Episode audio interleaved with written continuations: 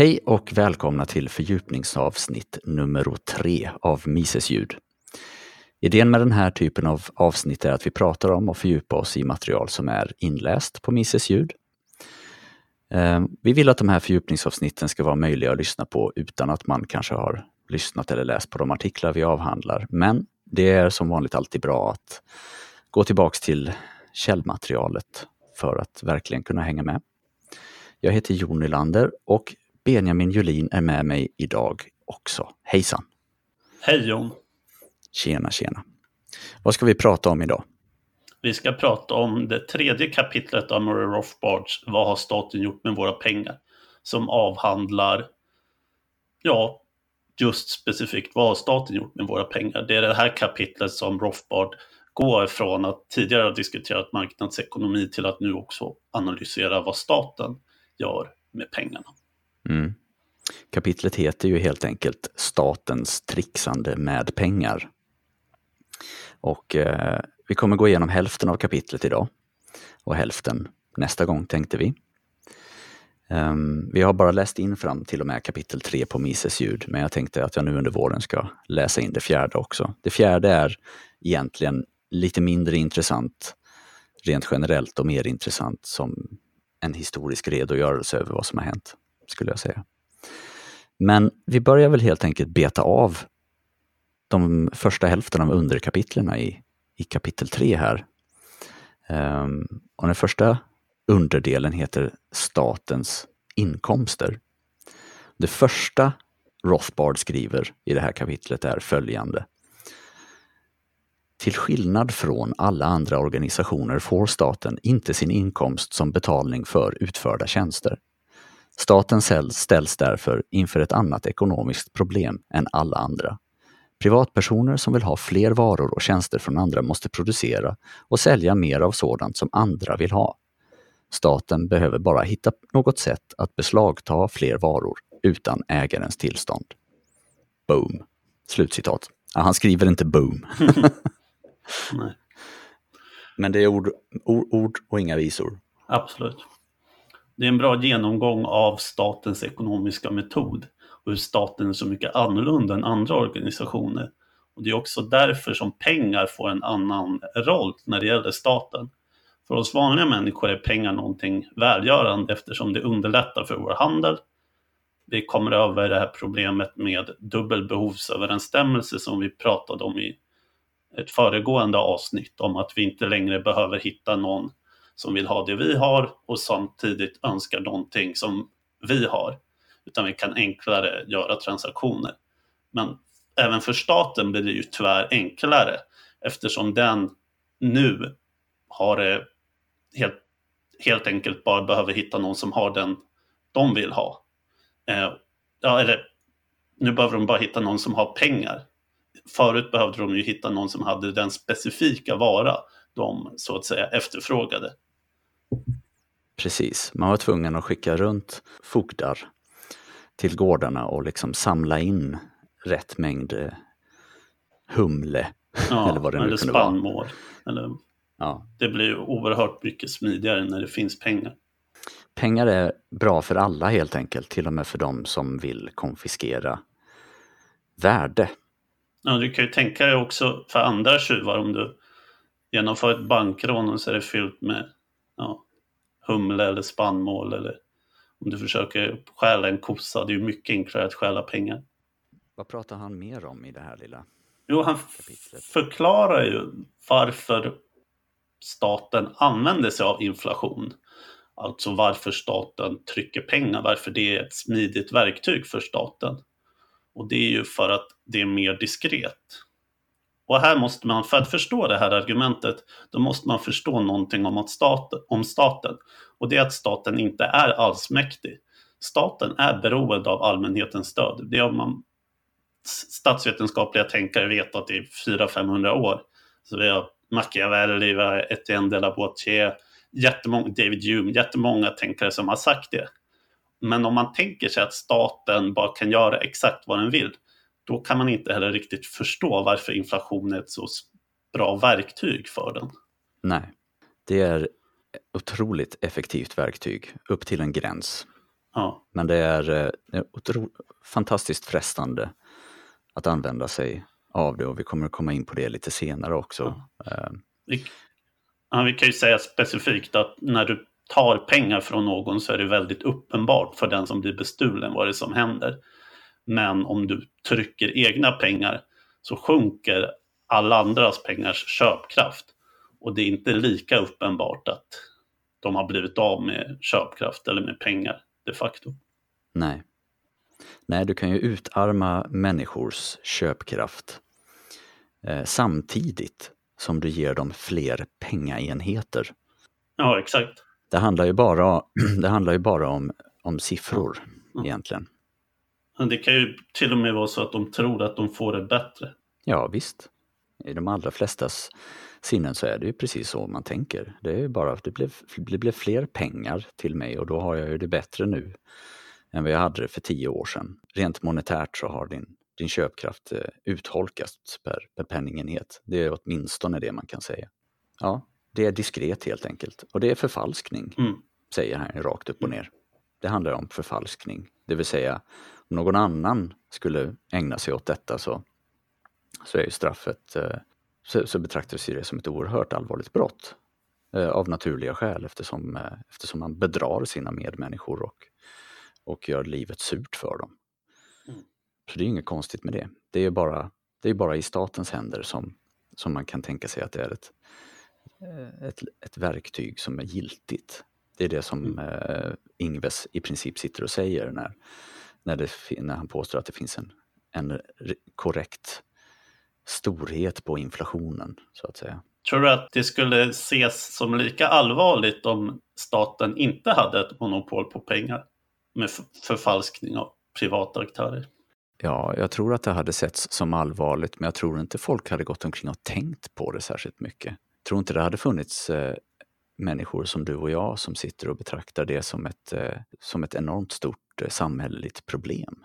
Det hade naturligtvis skett, men de aktörer som hade ägnat sig åt det hade ju fått byxorna neddragna med jämna mellanrum och eh, övertygad om att frivilliga organisationer hade kunnat inom citattecken reglera eller få insyn i vad, vad banker håller på med eh, även tidigare än vad, eh, än vad priser, ja, i och för sig det är ingenting som är snabbare än priser, Mm. avslöjar eh, förfalskning. Mm.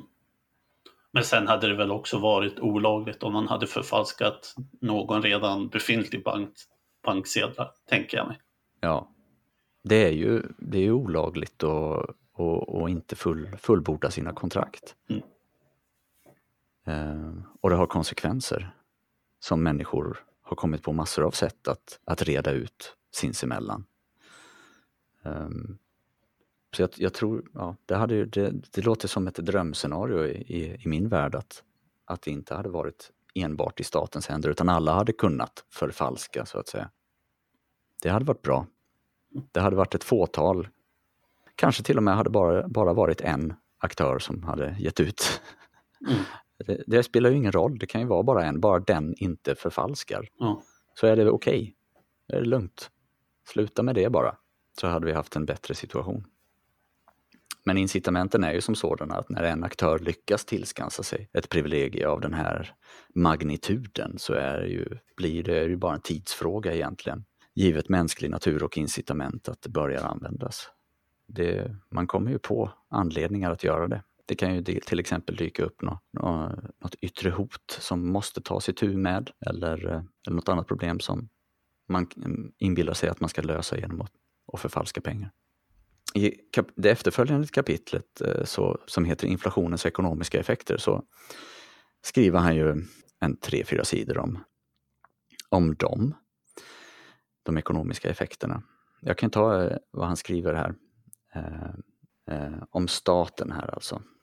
Eh, de tar de nyskapade pengarna och använder dem till att köpa varor och tjänster. Som den välkända serieteckningen i New Yorker med en grupp förfalskare som stilla beundrar sitt arbete uttrycker det. Citat. Detaljhandeln kommer få sig en välbehövlig injektion. Slutcitat. Exakt.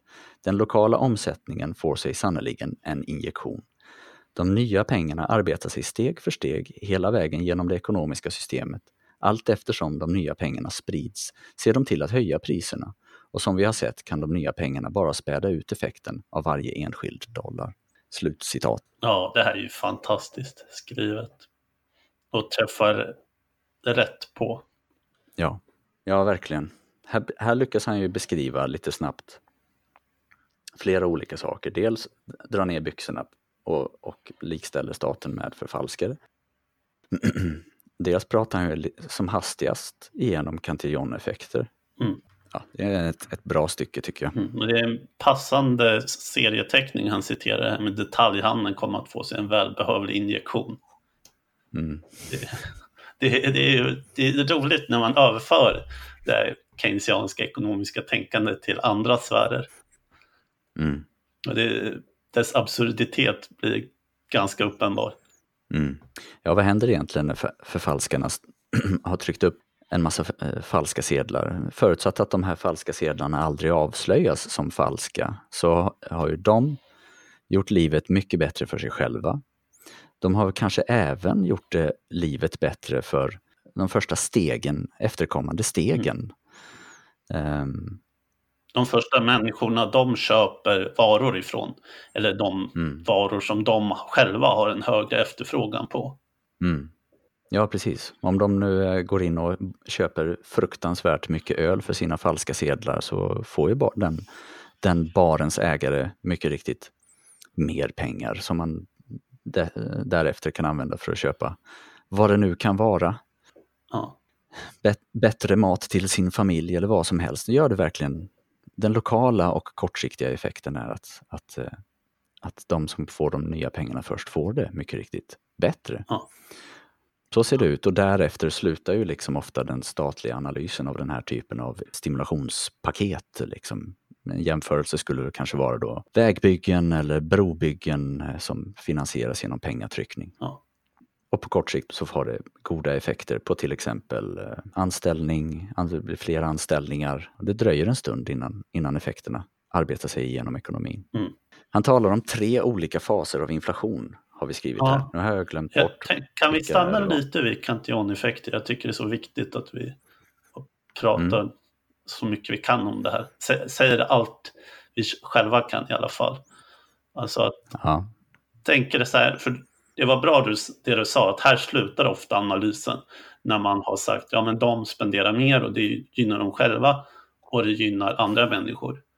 Men sen måste mm. man ju börja på den ekonomiska analysen. Va? Och då tar man också hänsyn till de långsiktiga effekterna och de effekter som kanske inte är uppenbara för blotta ögat. Det är omedelbart. Och det är ju att... Mm.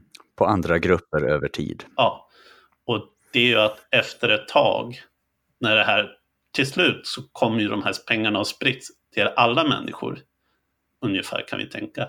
Men de som mm. får dem sist, de missgynnas ju. För det har skett en omfördelning av varorna i ekonomin till de första som fick pengarna. Så då innebär det att de sista kommer att kunna införskaffa färre varor för att deras pengars köpkraft har sjunkit för att priserna i resten av ekonomin har stigit. Ja. Men då kan du ju bara köpa loss dem och, och, och stilla deras ilska genom att höja deras bidrag. Eller vad det nu kan vara. Ja. Till, det kan du gå till val på var fjärde år. Exakt. Och helt enkelt eh, föräldrapenningen ska vi höja nu. Eller vad man nu kan säga för något.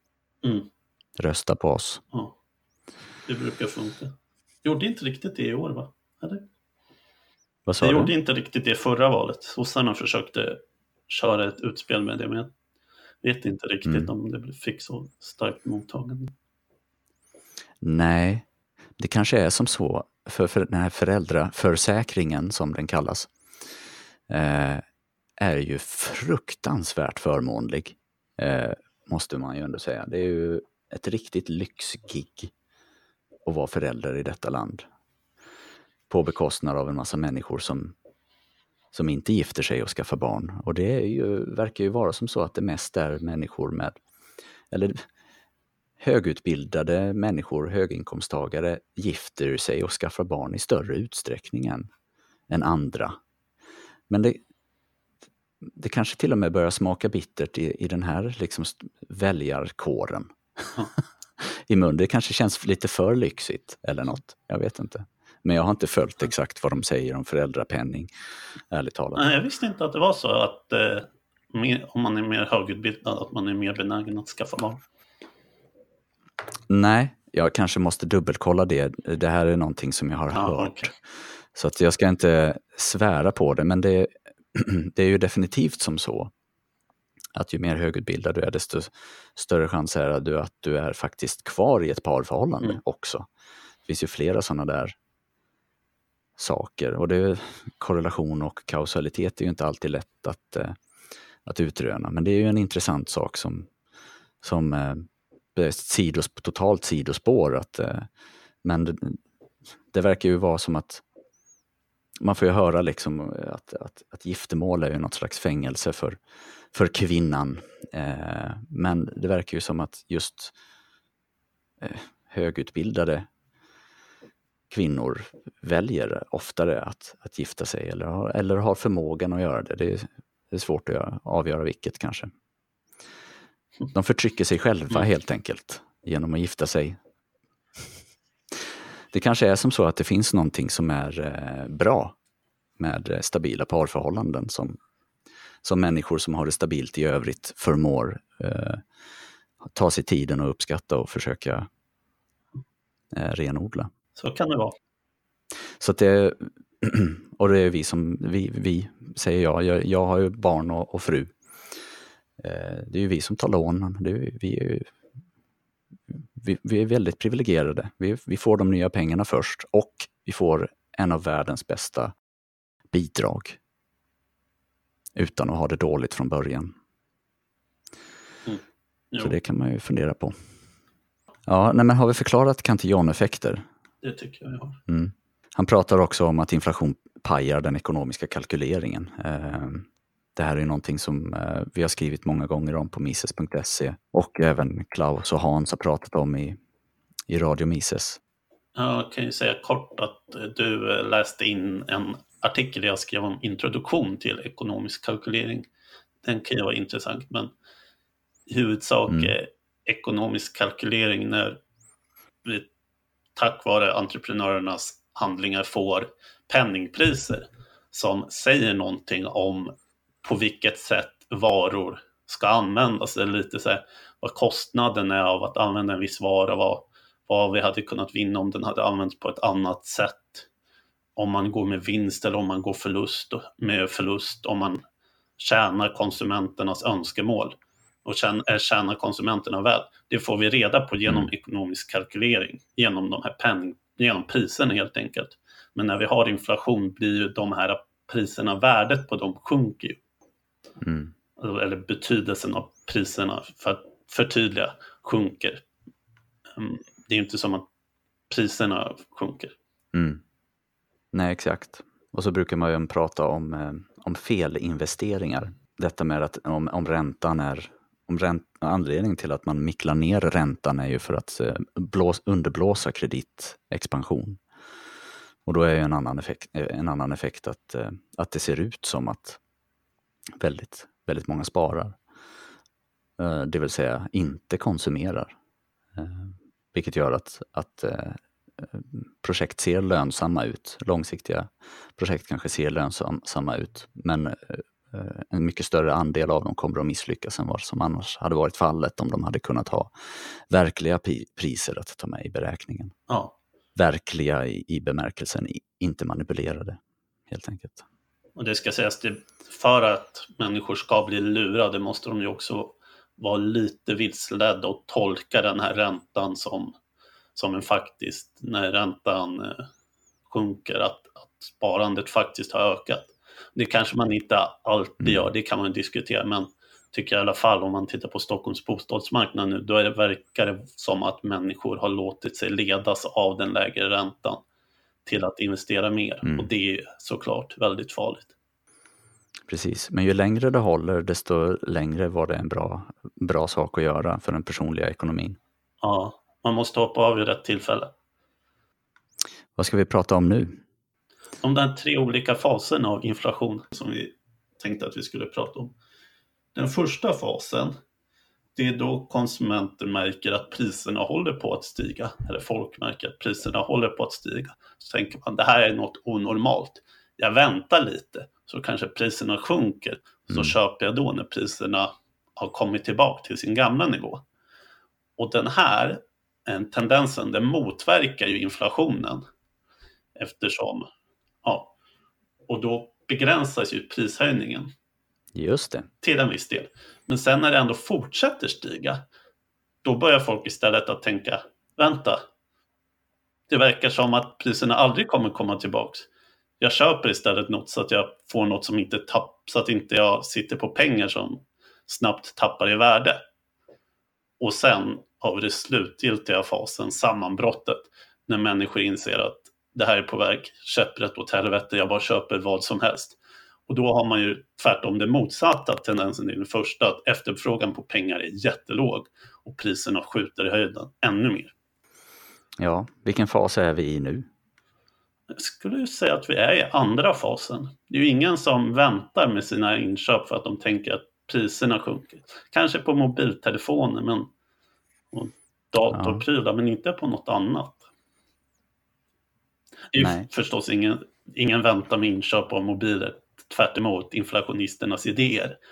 Men, men ändå, där tror jag ändå folk tänker att om om jag inte köper något nu kan jag köpa en bättre modell om ett år. för Samma pengar. Om man ska döma av reklamen som man ser i tunnelbanan och hör på radio de gånger man har radio på, så är det ju i princip två sorters aktivitet man ska ägna sig åt.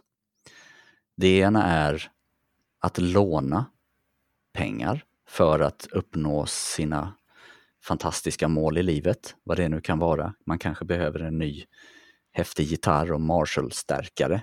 Eh, bilder på lyckade människor som, eh, som reser och gör coola saker för lånade pengar. Man ska samla sina lån också eftersom det utgås ifrån att man har tagit en massa kortfristiga krediter som man behöver konsolidera. Och så ska man spela eh, spel online, gambla. Det, det känns som att det är ungefär 80% av reklam, reklam, eh, reklamen just nu. Det är Mm. totalt överdrivet såklart, men jag lägger märke till de här sakerna. Om man jämför det med bara för några år sedan så är det ju helt absurt just nu. Tror, Om man ska använda det som någon form av metric för vad folk går omkring och tänker på. jag tror att spelreklamen är mer omfattande nu på grund av avregleringen som skedde vid nyår. Så att det har blivit det är tillåtet med mer reklam nu. Just och det är också skatt på att spela online. Mm. Jo, men så, det är en bra iakttagelse. Jag vet inte om du såg det, men förra året så skrevs det några artiklar om om det var par som gick i pension samtidigt fast de bara var 40-50. Och så tänkte de, nej men nu ska vi leva på ett annat sätt och in, slippa jobba. Vi lever på det vi har sparat. Det de egentligen levde på Mm. var, var det, att de hade köpt stora mängder aktier. Och kalkylen byggde på att de här aktierna fortsatte att gå upp i värde lika mycket som de hade gjort tidigare. Nice. Ja, det är en chansning kan man säga. Ja. Aj. Okej, ja, det skulle vara kul att följa upp det där. se hur det gick om tio år. Kan ju funka men, men det känns som att det, det är en, man måste ju ändå vara medveten om att det är en risk. Mm. Nej, men de kanske har en jättebra portfölj som är balanserad och fin på alla sätt. Alla, enligt konstens alla regler, vad vet jag. Men eh, Mm. om man räknar med att det ska gå upp på det sätt som det har gjort de senaste tio åren eller vad det kan vara.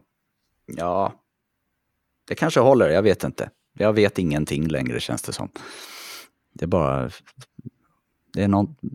Det, hur länge har vi sagt att det kommer krank, krackelera? och därmed kanske och därmed kanske kostat folk pengar för att de har liksom investerat i guld eller något annat jox som inte har gått upp i värde alls lika mycket. Eh, det är svårt. Livet är svårt. Ja, men det hade varit mer imponerande eller om de hade sparat ihop jättemycket pengar och bara levde på, eller då hade det i alla fall varit säkrare. Än Mm. att man ska förlita sig på att aktiemarknaden kommer gå som tåget kommande tio åren. Mm. Ja. Yes. Yes, kapitel eh, 3.3, tredje underkapitlet, heter Framtvingat monopol på pengautgivning. Citat. För att staten ska kunna öka sina inkomster med hjälp av förfalskning måste många och långa steg först tas på vägen bort från den fria marknaden. Staten kan inte bara helt sonika invadera en välfungerande fri marknad och börja trycka egna papperslappar. Genomfört så plötsligt skulle få människor acceptera statens pengar. Kanske man kan jämföra med de här eh, penningförfalskarna i New Yorker-seriestrippen där. Det, om de skulle göra det här helt offentligt och säga hej, vi har förfalskat en massa pengar här, varsågoda och nu tänker jag köpa av dig. Mm. Det skulle naturligtvis inte fungera, utan det Rothbard gör, ger uttryck för i det här kapitlet är ju att det är en väldigt lång process som börjar med, börjar med vissa saker och bit för bit både idémässigt och praktiskt tar över penningväsendet. Mm. Eh, helt enkelt. Det tar lång tid. Det har tagit lång tid och är väl fullbordat vid det här laget kan man väl tänka sig. Ja, eller, eller pågår den inte fortfarande? Jag funderar på det, det här med att vi nu går vi mot ett kontantlöst samhälle. Är inte det en del av den processen och visar lite så här, även nu är det fortfarande svårt för staten att helt det är fortfarande steg kvar på vägen mot fullständig statlig kontroll över pengar, pengarna. Ja, det är sant. Nej, bort med kontanterna är ju kvar. Det har du rätt i. I Sverige är vi ju i princip framme. Ja. Det var lite, det har varit några bakslag för dem. Alltså att eh, de Mm. har mött på lite motstånd. Jag tror de har backat lite. Jag tror Mm. inte riktigt det kommer i alla fall. Det kommer inte ske 2026. Det tror jag inte. Nej, jag har sett lite eh, intervjuer med eh, tjänstemän på, på Riksbanken. Ja, för jag tror det var en kille på Riksbanken i alla fall som uttalade sig om att nej, vi tror inte att det eh, Det kanske var angående den här e-kronan som de höll på att prata om. Ja, men det är det enda sättet för, eh, för många människor. Alltså, genuin, en genuin eh, han gav uttryck för en genuin omtanke. Tyckte jag det lät som på honom i alla fall. Ja, men det, det kanske skulle vara bra för de här sakerna, men det vore inte bra för alla människor. Så det ska vi nog vara jäkligt försiktiga med och bara försöka bli av med kontanter. Ungefär. Så det finns ju kanske även motstånd in, in, inom de statliga. Vilket återigen illustrerar att staten inte är allsmäktig. Att de är, den är beroende av allmänhetens stöd. Annars hade de ju bara kunnat Ja. köra på. Det är såklart att de vill ha helt digitala pengar. Att det inte ska finnas någon typ av kontanter som är ospårbara och som är anonyma. Mm. Ja, men de är ju också människor, de som jobbar i de här institutionerna. De vill kanske också ha kontanter faktiskt. Ja. Eh, en del av dem i alla fall. Du tror inte på ödleteorin? Nej, jag gör faktiskt inte det. Nej. Jag tror inte heller på en platt jord. Nej. Men incitament tror jag på. Och det kommer ju inte sluta här. Eh, Det kommer inte sluta med att vissa människor tycker att det är, vore bra att behålla kontanter, utan det kommer att liksom, det blir de tusen små skärsårens metod, precis som det har varit hela tiden. Över tid så är incitamenten obevekliga och kommer att spelas ut framför oss, helt enkelt, Mm. tror jag. Eh, Och Sverige ligger ju långt framme om man jämför med nästan alla länder i världen, känns det som för mig. När jag, är och, när jag reser så använder jag jättemycket kontanter. Sverige i princip aldrig. Det är tiggare i så fall, som man ger en slant. Mm. Eh, men kapitlet heter Framtvingat monopol på eh, pengautgivning. Och han går igenom den här processen. Det, bör, det, det måste börja med att man centraliserar myntning. Då pratar vi ju några hundra år tillbaks i tiden här, beroende på var i världen du tittar. Att nymynt, nymyntning måste ske centraliserat och du måste eh, hitta på ett eget namn på dina mynt. Så att de heter talers eller eh, solidus eller vad det nu kan vara. Just solidus är ett dåligt exempel eftersom det är ett av de få mynt som faktiskt dröjde länge innan man började urholka. Men, men att man kopplar bort pengens värde från dess vikt eh, och renhet till någon form av eh, Mm. symbol, helt enkelt. Ja, finns det något mer att säga här? Man kanske kan säga att det, det här med att vi har lokala valutor är nog väldigt svårt att förstå om man inte förstår det här med hur mycket staten tjänar på att ha ett monopol på pengautgivning.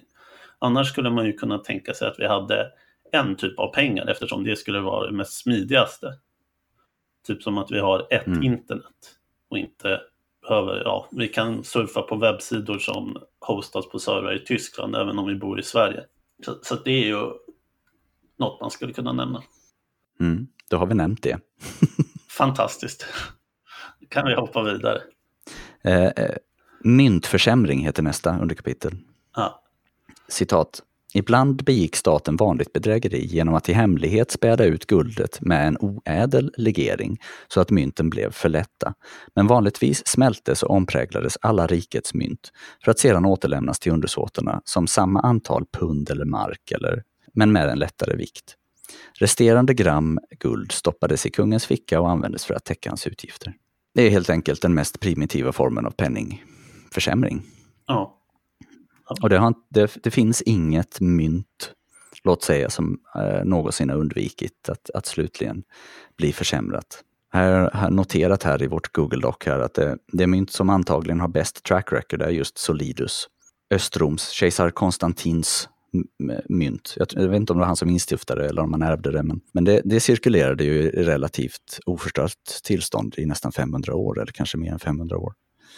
Kanske det fanns en massa andra mynt som de eh, som de förstörde istället. Men just den varade. Och den blev väl sedermera eh, dinaren. Mm. Och används fortfarande som, eh, just dess mått och renhet används fortfarande tror jag. Det kan ha varit just den myntfoten som Isis försökte återskapa här förliden. Mm. Ja. Spännande episod. Ja, Och man kan också spåra och följa den romerska civilisationens förfall i penningvärdets fall. mm, Att takt med att kejsarna inflaterade valutan förstördes också civilisationen. Ja precis. Och, men eh, där kan man ju, det, det, vi som tänker mycket på de här sakerna drar ju gärna slutsatsen att det är, det är det ena som ger det andra, det vill säga myntförsämringen som ger civilisationens fall. Och Mm. det ligger nog mycket i det tror jag, men det är ju naturligtvis inte det enda. Korruption, kulturell korruption ger ju också, och liksom myndigheters korruption över tid ger ju också myntförsämring som en, som en så det, är, en- det är en ond cirkel skulle jag vilja beskriva det som snarare, som är otroligt svår att undvika i längden. Sen pratar han om Greshams lag. Ehm, Har vi pratat om Greshams lag i något tidigare avsnitt? Jag har för mig att vi har gjort det. ja, Kan du sammanfatta den? det har vi nog. Jesus, det är alltid, det är alltid en tungvrickare. Det finns ju en, en som är en dålig formulering av Greshams lag och en som är bättre. Får se om jag säger den dåliga här nu då. Dåliga pengar driver ut bra pengar. Ja, det är den dåliga. Ja, eller hur? Ja. All right. Ja, här kommer en Ja. bra då. Eh, artificiellt övervärderade pengar driver ut eh, artificiellt undervärderade pengar ur cirkulation. Mm. Eller? Satte jag den nu? Det gjorde du. Ja, precis. Och vem är det då som artificiellt över och undervärderar pengar av olika slag? Ja, det är ju staten. Heja oss! Staten är ond helt enkelt, kan vi komma fram till. Ja.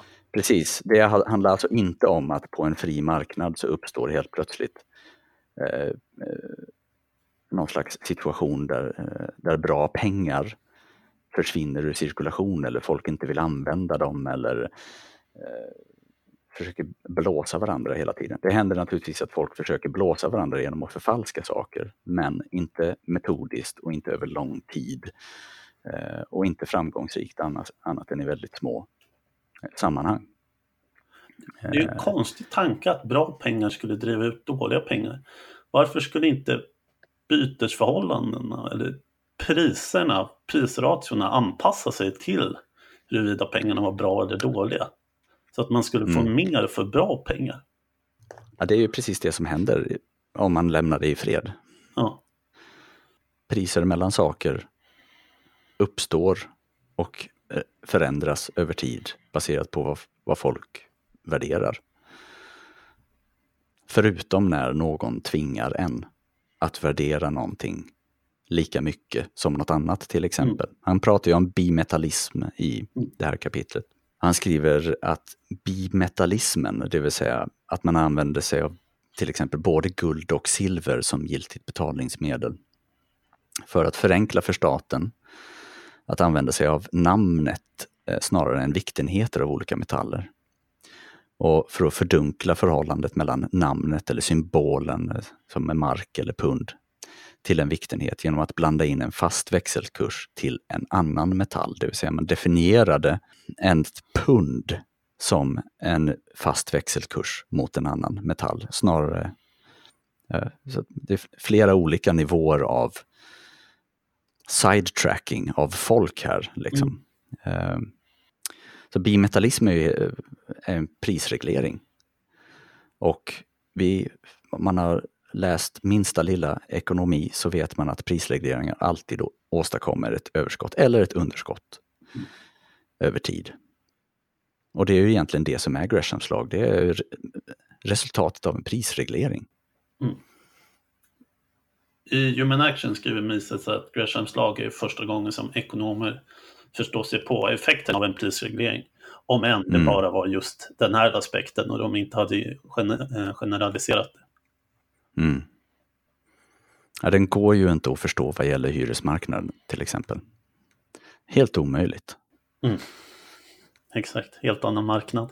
Nej, men de pengar som är undervärderade, artificiellt undervärderade, ersätts i omlopp av de övervärderade pengarna, såklart. Eftersom folk inte är dumma i huvudet utan istället sparar eller använder pengen, eh, de, de undervärderade pengarna för att köpa saker någonstans där de inte är undervärderade utan där du kan faktiskt använda dem till dess rätta värde inom citattecken. Ja. Sen talar han om lagligt betalningsmedel i samma kapitel. Och det infördes för att upprätthålla de här prisregleringarna. Så då kan man som stat deklamera att en dålig peng är ett lagligt betalningsmedel sida vid sida med guld och, och silver till exempel. Då har man helt plötsligt ett pund till exempel som driver ut både guld och silver ur cirkulation. Ja, när den är, pen, när den är, Och kvar har du en symbol. ja, när den är papperspeng då. Ja, något mer att säga om detta. Greshams lag. Vi syltade in oss lite där men eh, jag tror ändå att vi tog oss igenom det med, med äran i behåll, hedern i behåll. Ja, jag tyckte... Jag hoppas att det framgår för de som lyssnar. Annars är det ju bara att läsa kapitlet eller lyssna på det. Ja.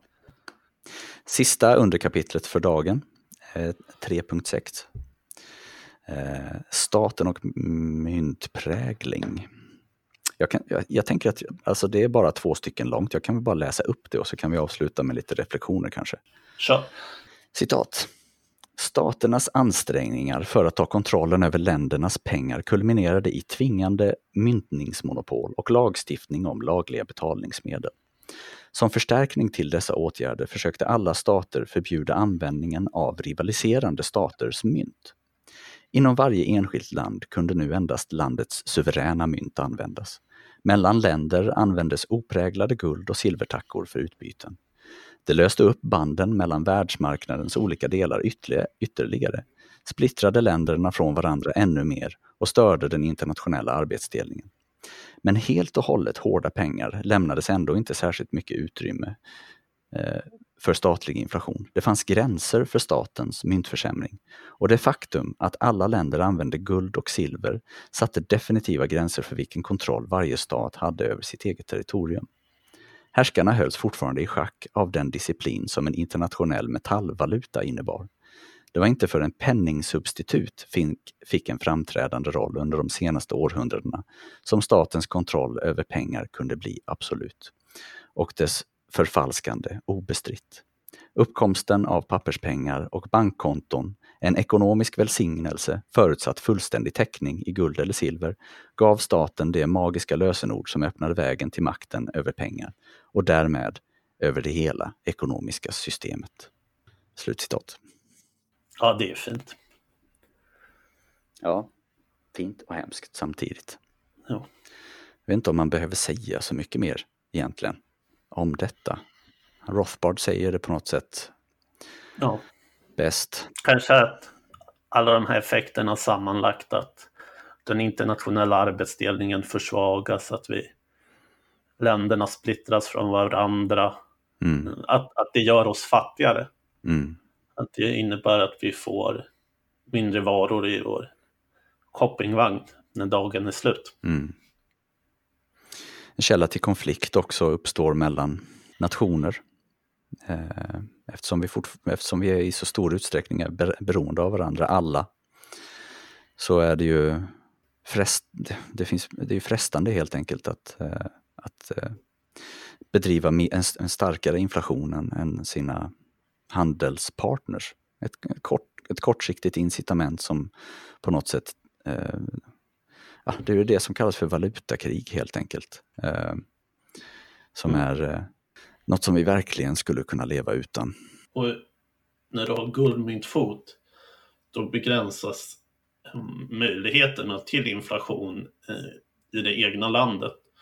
Som något som kallas, jag minns inte den exakta benämningen, Gold Specie Flow Mechanism eller något sånt. Det tror jag var David Hume som insåg det här att om du trycker pengar i det egna landet Mm. så kommer efter ett tag guld att flöda ut ur landet. Mm. Så att det finns tyglar på staterna Mm. som inte existerar när man har gått över till papperspengar. Nej, precis. Sammanfattningen är att det är lite av ett problem att staten har makten över penningväsendet. Onekligen så. Onekligen så. Okej. Vi tar och tackar för idag. Nästa gång så kommer vi gå igenom resten av kapitlet som är fantastiskt bra också. Så det ser vi fram emot. Until then, cheerio! Hej då.